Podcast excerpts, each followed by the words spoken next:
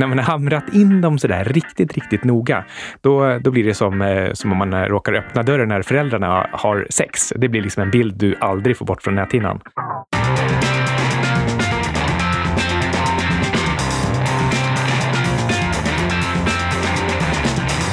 Hej och välkommen tillbaka till 25 minuter med Syding och Sundström. Jag kanske ska börja med att tacka vår klippare Alexander Marton. Tack så mycket för att du fixar till det här. Idag ska vi prata om eh, mentala tumregler för att tänka som ett eh, finanssnille.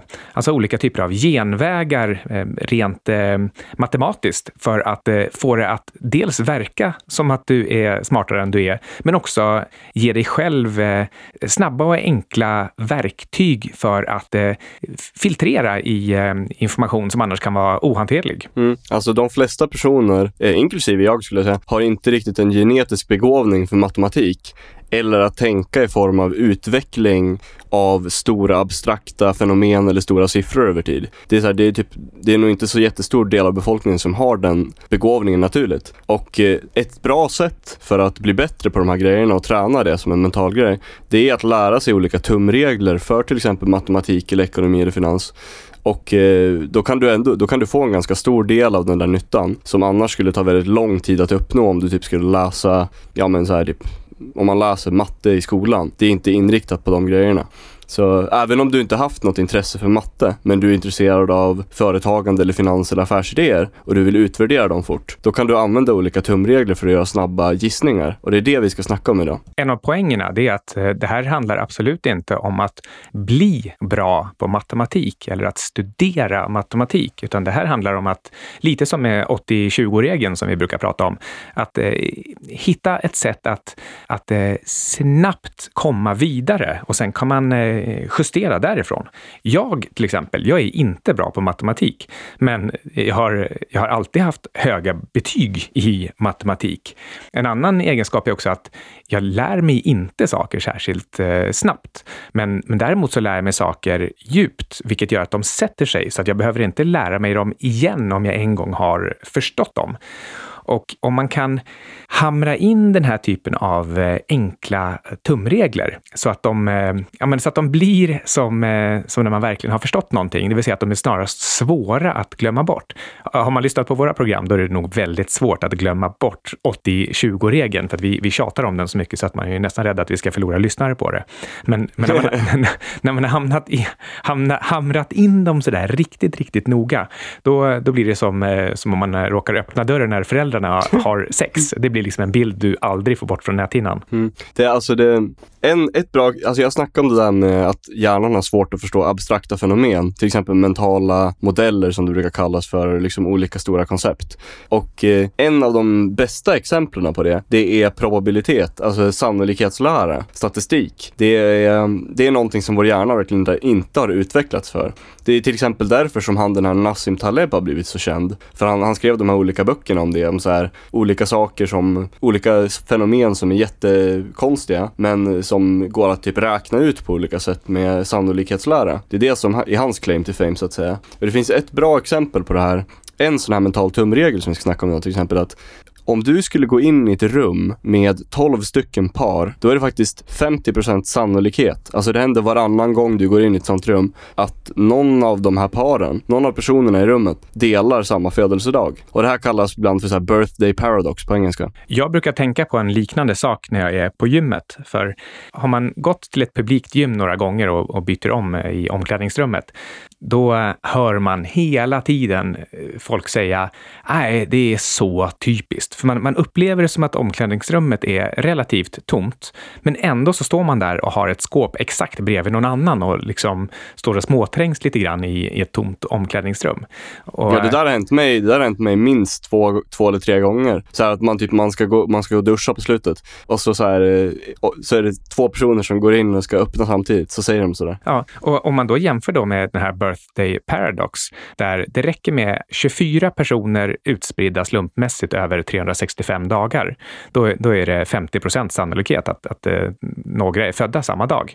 Så tänk dig att det är 24 personer på ett gym med 365 skåpluckor. Ja, då är det också 50 procents chans, alltså egentligen slumpmässigt, att ni har samma skåp. Men nu går ju inte det eftersom man låser skåpet. Men, eh, men att man åtminstone slumpmässigt hamnar bredvid varandra har ju ännu högre sannolikhet, för då är det skåpen både vänster och höger som, som ska räknas. Så man behöver inte vara särskilt många personer på ett ganska stort gym för att eh, det, det liksom väldigt ofta ska vara eh, eh, att, att någon är bredvid någon annan. Mm. Eh, på, men det finns en, ja, eh, men det finns en så här viktig grej som jag kommer att tänka på nu som är skillnaden mellan exemplet som du drar och det här med birthday paradox.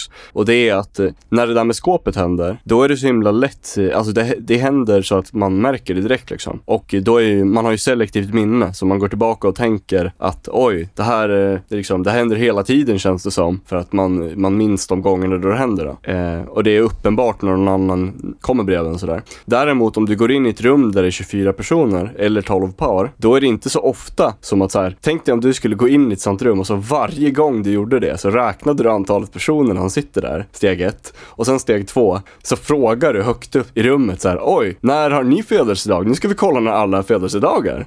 det, det händer ju aldrig liksom. Ingen gör det. Nej. Men eh, det är fortfarande ungefär 50 procent. Precis. Och, eh, så en sak är att på gymmet så märker man det här och det är irriterande, vilket gör det ännu mer eh, minnesvärt. Och, och, och sen ytterligare då, som vi sa, eh, det räcker ju inte med att bara ha bredvid åt ena hållet, utan man kan ha bredvid åt andra hållet eller ovanför varandra. Och det kan ju till och med vara så att man upplever att man är väldigt nära varandra, även om man är två skåp bort. Men sen då på den andra sidan så, nu mäter man bara sig själv mot eh, de andra på gymmet och, och vid vissa tidpunkter och inte alla på samma gång. Så det, det finns lite plus och minus här som, som komplicerar det hela. Men, men, så, så det är inte exakta analogier. Men eh, mm. det, det, det, är fortfarande intressant att det är bara en väldigt enkel sannolikhetskalkyl som ligger i grunden och ändå så lyckas man själv och så många andra ständigt bli förvånade över att det är så här. Precis, det finns inget att bli förvånad över egentligen. Eh, och eh, det är väl det som är poängen. Alltså rent matematiskt så eh, det, det är ganska enkelt att räkna ut. Ja. Så man borde, man borde egentligen bli mindre förvånad att det inte händer oftare typ. Alltså det är typ det man borde fokusera på. Ja, eh, verkligen. Alltså det man ska använda den här iakttagelsen till, det är att eh, snarast hamra in regeln att om någonting händer väldigt ofta, då är det ingenting du ska bli förvånad över. Om någonting så ska du i sådana fall gå in i mekaniken bakom och försöka förstå varför är det här inte förvånande? Istället för att eh, lite surt utbrista, åh, det är så typiskt. Eh, så hur kan man egentligen bli både förvånad och irriterad om det nu faktiskt är typiskt? För det, för det är det det är, typiskt. Ja, alltså det är ju samma sak som att vara vidskeplig. Eller tro på spöken typ. Eh, hur, eh, hur menar du då? Nej, men liksom det, det är så här, varför ska du ha en emotionell reaktion över någonting som är förutbestämt? Ja, nej, sant. sant. Ehm, jag tycker att givet det här eh, gymparadoxen, så eh, om man vill komma ihåg och förstå födelsedagsparadoxen så ska man försöka hitta något, eh, något exempel i sin vardag som påminner om det här och som, man, som gör att man blir påmind om själva tumregeln om och om igen. Så att den, även om du inte förstår de faktiska sannolikhetskalkylerna bakom, så hamras själva idén in igen och igen. Mm. Eh, ett, ett till tips på det, det är att eh, vi gjorde ett avsnitt, eh, det var, jag tror det var cirka någonstans i intervallet runt 100 och det avsnittet hette att komma ihåg och banka in stora idéer. Och eh, den stora poängen som vi gjorde i det avsnittet, det är att när du har stora abstrakta idéer, så mentala modeller eller koncept, liksom, då ett bra sätt som du säger liksom, att minnas det, det är att göra upp tre stycken listor. Ett med olika bara exempel som är minnesvärda, typ som vi snackar om nu. Ett annat är hur du, hur du kan använda det. Och två, eller och tre, hur du kan undvika att göra misstag med det. Det är, så här, det är en jättebra best practice i allmänhet när det kommer till stora koncept och abstrakta idéer så att man fattar dem bättre. Ja.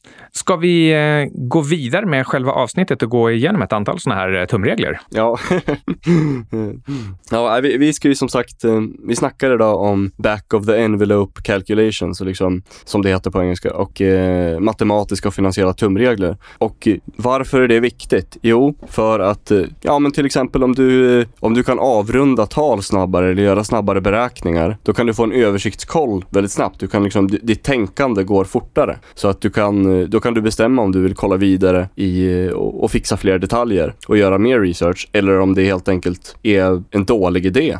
Så alltså, ofta får man eh, en, en bra hum om någonting är viktigt eller inte med en ungefärlig avrundning. Det är allt man behöver veta. Sen behöver man inte kolla på minimal, eh, decimalen direkt.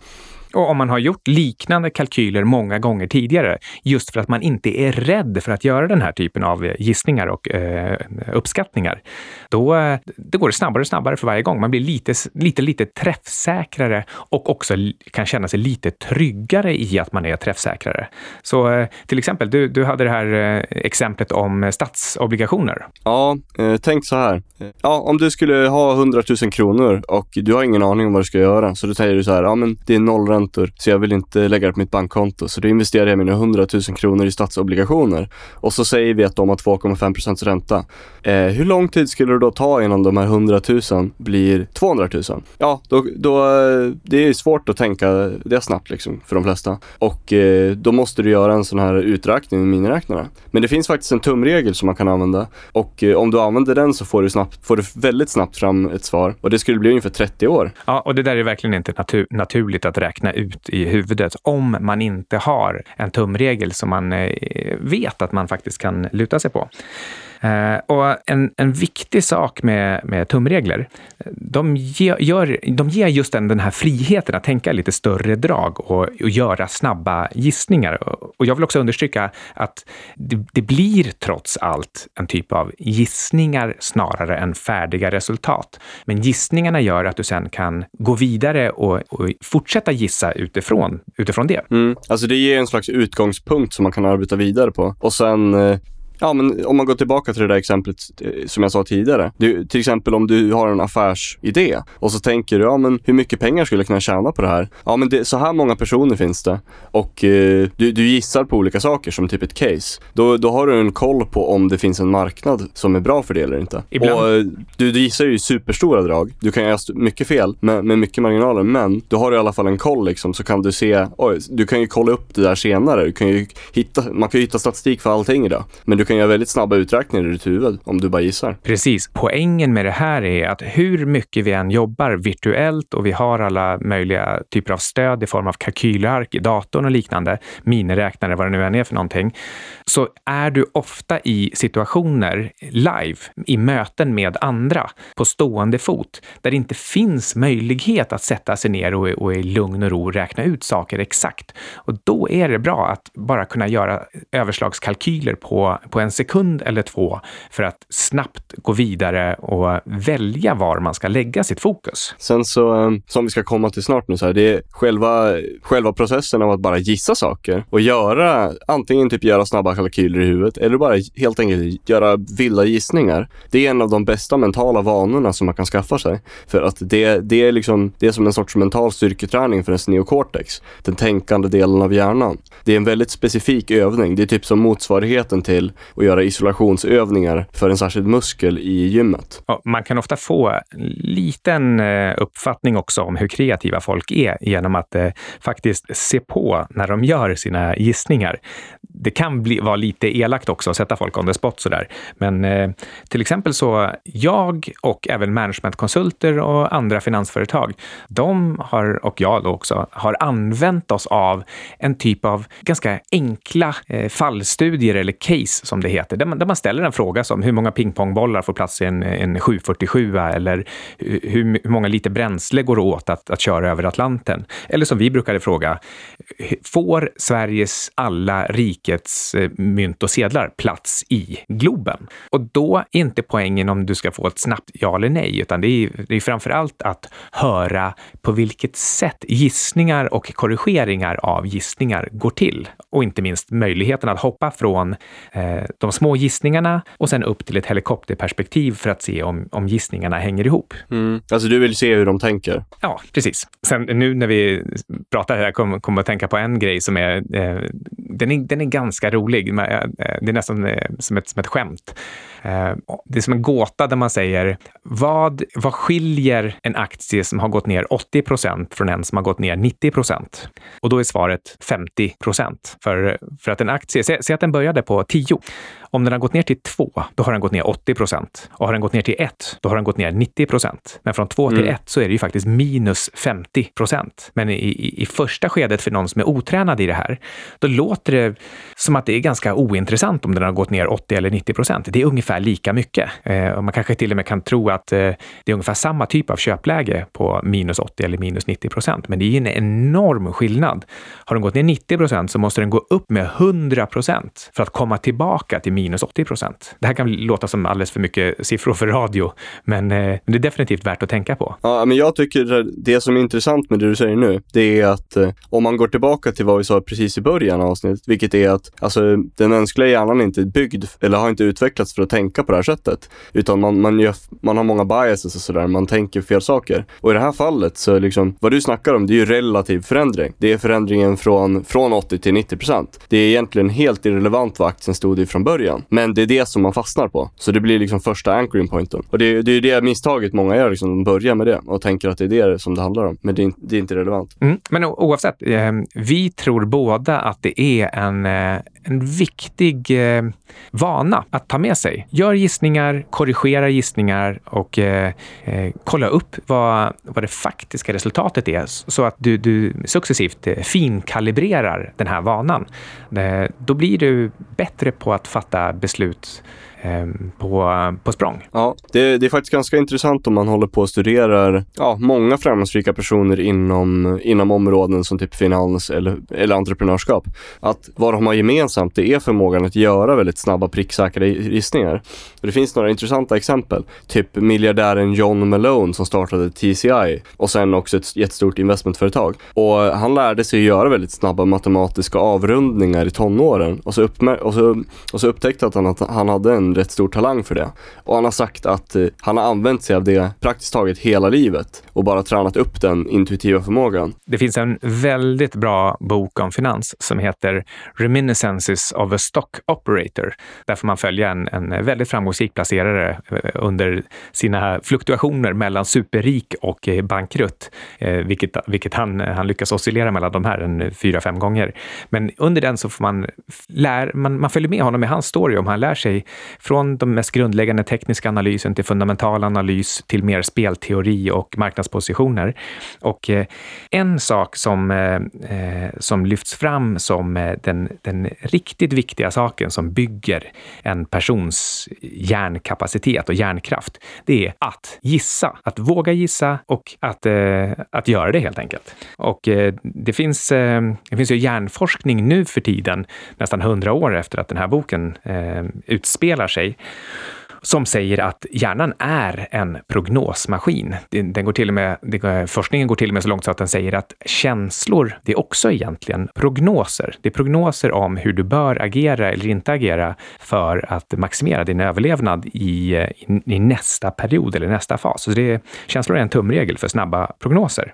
Och hjärnans hela uppgift är att hitta mönster och se till att du eh, i eh, perioden direkt efter fattar, eller eh, snarare att du fattar rätt beslut inför perioden som kommer. Så vårda den här mönstrigenkännaren, vårda gissaren. Men, men mm, håll börja, också. börja träna den och sen vårda den. Ja, just det. Precis. Att börja med att gissa och, och, mm. och, och, sen märker du om du gissar rätt eller fel och då får du justera din, din gissningsalgoritm. Mm. Eh, på tal om den boken, Reminiscence of a Stop Operator. En grej som de säger i den, det är att eh, en grej som han noterade i skillnaden mellan de investerarna som var väldigt långsiktigt duktiga och hade långa perioder av eh, eh bra investeringar investeringar jämfört med de som bara kunde tjäna pengar i vissa olika cykler. För att de kanske var bra anpassade specifikt till någon särskild trend eller någonting.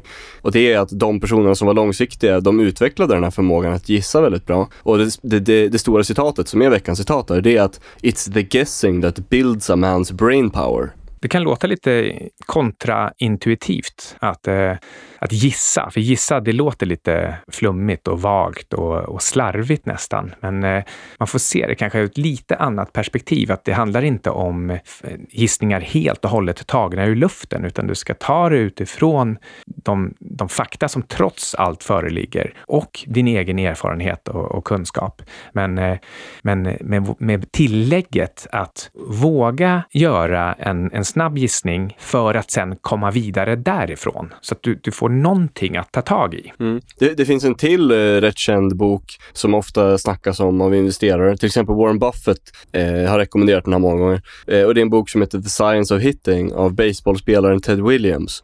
Och eh, den här boken är rätt kort och sådär. Men en av huvudpoängerna som han gör i den boken, det är att eh, de duktigaste, ska man, säger man slagmännen på svenska? Hitters liksom. De som står och slår på eh, den här rutan. Eh, han säger att eh, de absolut duktigaste slagmännen, det är de som alltid gissar i förväg vart bollen ska komma innan pitchen kastar bollen. Så att de är liksom, de primar sig själva och är mentalt förberedda och har någonting att utgå från. Och sen, sen efter det så snackar han faktiskt också en massa om sannolikhetslära och grejer eh, och göra bra gissningar. Men han säger att de bästa slagmännen gissar alltid i förväg och att man ska inte skämmas över att gissa. En riktigt snabb eh, baseball-pitch. Den är så snabb att faktiskt, eh, särskilt om den är lite skruvad i, i någon led, att eh, vårt synsystem är faktiskt inte riktigt gjort för att hinna med. Så med, vid en viss hastighet och en viss typ av skruv, då försvinner bollen. Alltså den, den, den syns inte. Ehm, det, det, här är ett ganska märkligt fenomen som man kan, eh, man kan googla upp det och läsa om det. det. det. är rätt så spännande. Men det säger också någonting om att om, om bollen faktiskt rent visuellt försvinner under vissa eh, förutsättningar, ja, då, då, måste du gissa. Du måste prima dig och, eh, och slå. Redan från början göra gärna förberedd på ungefär var bollen kommer hamna och ungefär när, för att annars, annars går det faktiskt inte under, under vissa förutsättningar. Mm. Och eh, det här är veckans mindset, att en dålig gissning är bättre än ingen gissning alls. För då har du i alla fall en utgångspunkt. Ja, man kanske skulle skriva upp det på eh, kylskåpet och badrumsspegeln så ser man det varje dag, flera gånger om dagen. Mm. Nu går vi vidare till olika tumregler. Okej, okay, vi kan börja med det här exemplet som, ja, eh, förut så sa jag det där exemplet med att om du har 100 000 i en statsobligation och du utgår från att det är 2,5 procents ränta, hur lång tid skulle det ta innan dina pengar fördubblades?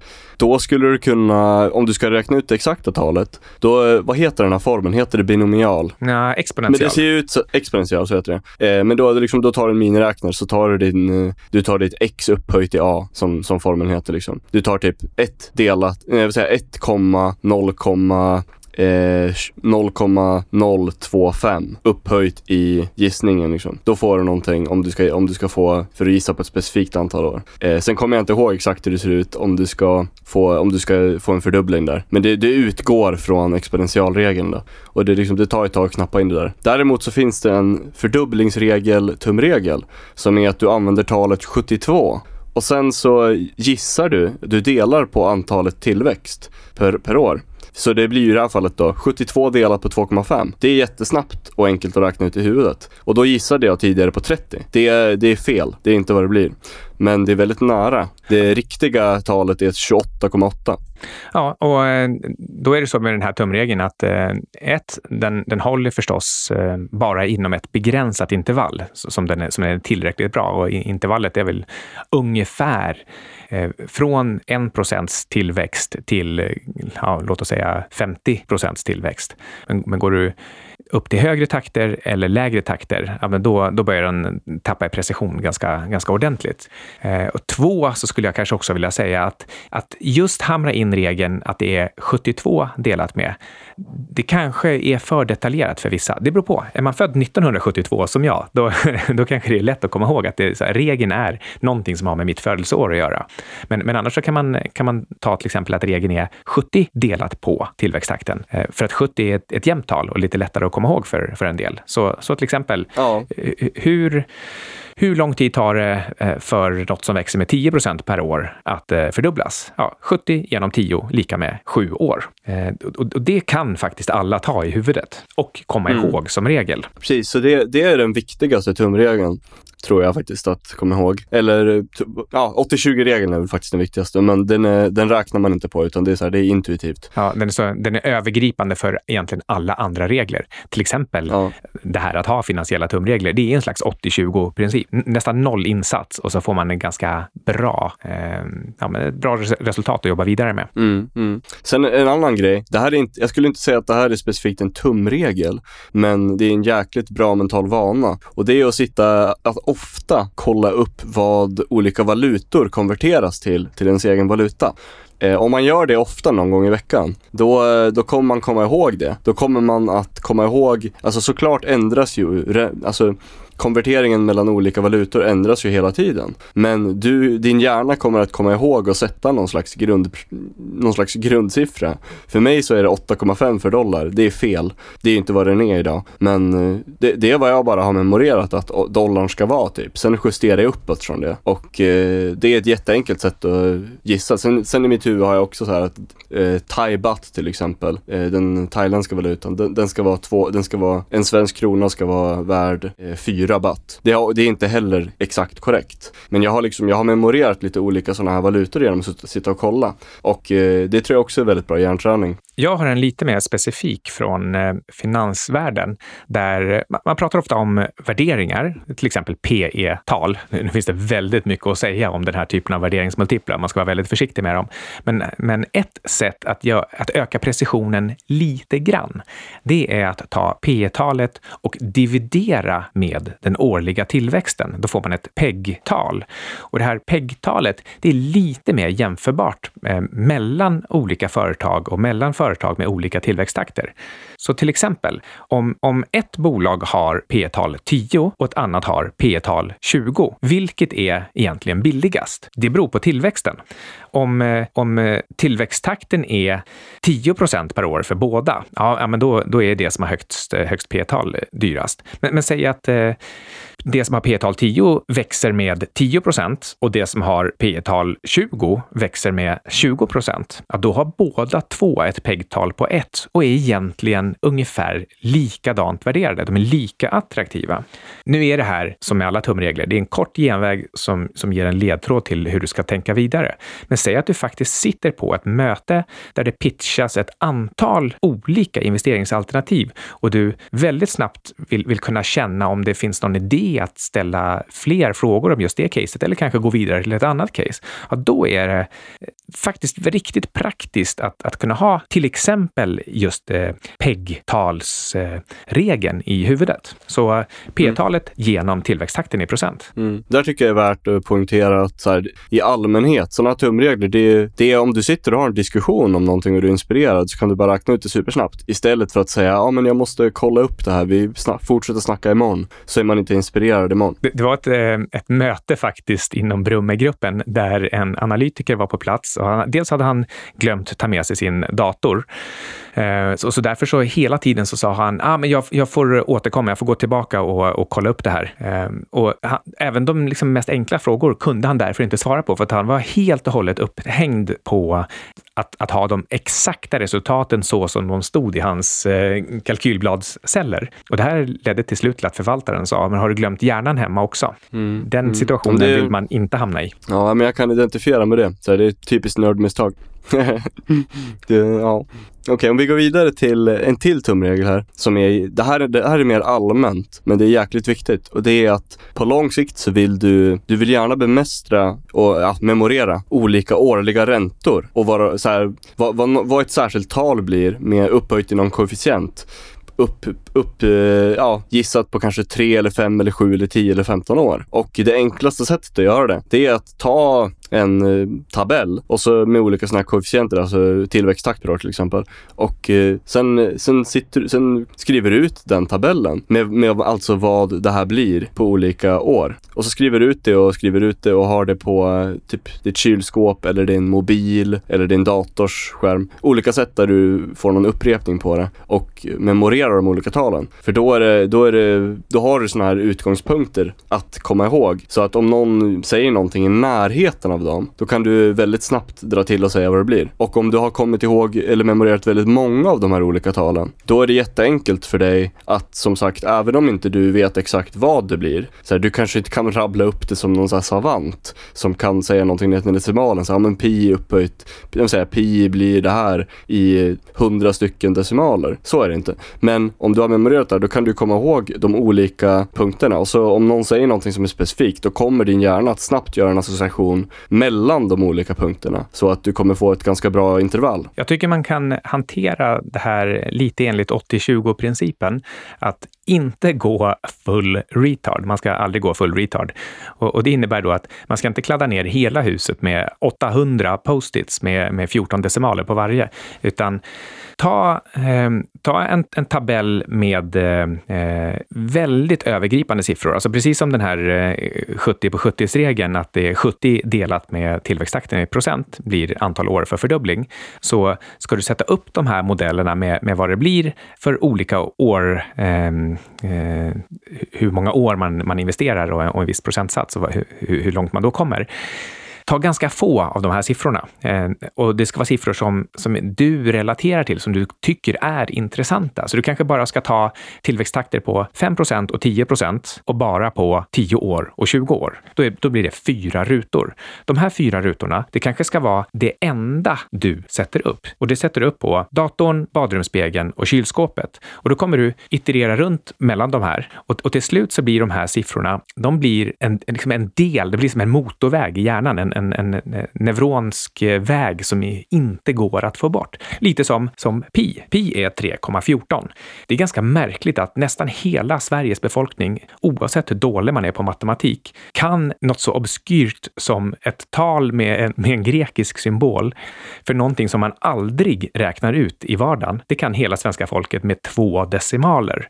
Och det är också en tumregel. Ja, och, och det beror på att det, det, det är någonting som man har hamrat in på det här sättet. Så mitt tips är att gör en väldigt liten tabell, så liten att den, den motsvarar ungefär pi i svårighet att komma ihåg. Och den får sitta uppe i tre månader på massor med olika ställen.